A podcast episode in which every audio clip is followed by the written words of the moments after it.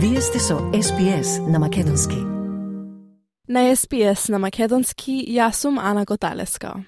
Нова кампања во Западна Австралија охрабрува повеќе луѓе да се регистрираат како донатори на органи. Кампањата ги споделува личните прикази на луѓе од културно различно потекло на повеќе јазични подкасти, во обид да ги сруши културните бариери за донесување на оваа одлука во заедниците. Подетално во прилогот на Том Стайнер за SBS News.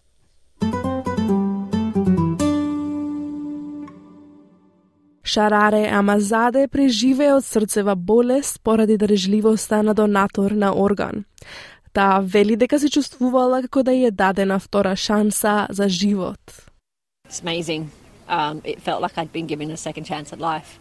It felt like I, you know, it was, it was a hard thing to process because at the moment, at the time, you know that someone else, someone, another family is losing their loved one, is going through the grief. So you feel for them and you, you have heartache over that. But then you also have the excitement for knowing that you're able to start living your life again.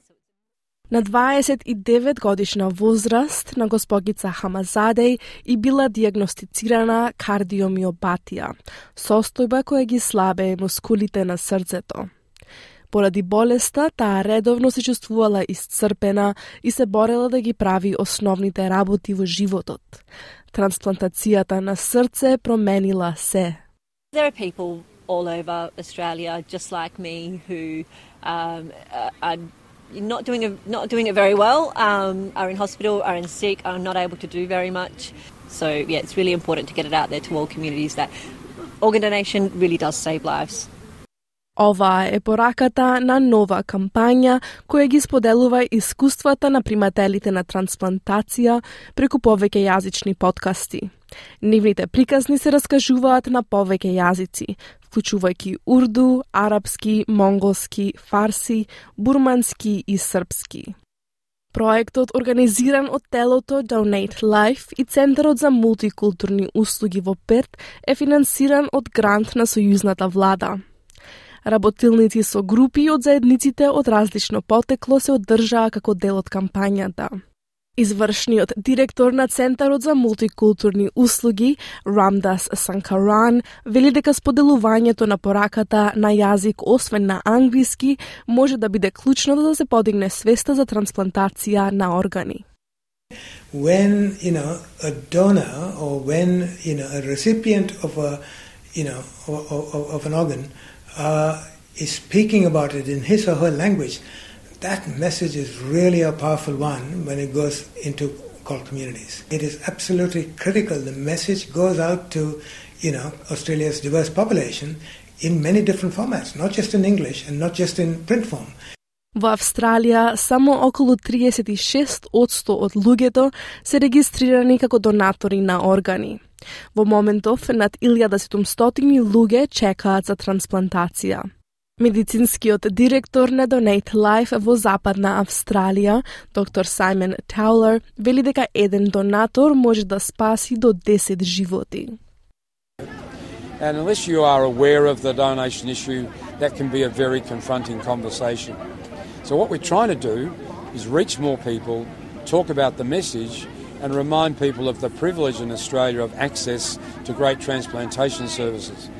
Луѓето од културно различно потекло имаат помала веројатност да донираат органи.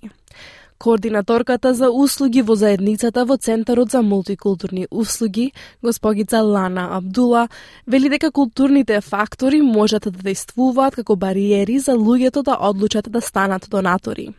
Таа вели дека за повеќе културно и јазично различни заедници постои стигма поврзана со донирање на органи и ткива, бидејќи мора да се разговара за смртта, за умирање и за тага. For our CAL community, organ and tissue donation is a like a stigma to talk about this uh, issue, like this uh, organ and tissue donation, because organ and tissue donation, like we have to talk about death, about dying, about grief. So this is for our community is like something is, is difficult. Махин Нобак, кој е преведувач за јазикот фарси, вели дека отворените разговори можат да ги охрабрат луѓето да размислуваат да донираат органи. They can understand how it make very huge uh, difference it's in the people life uh, to or, to donate the organ or tissue and make the big, big and they give the life to to the people.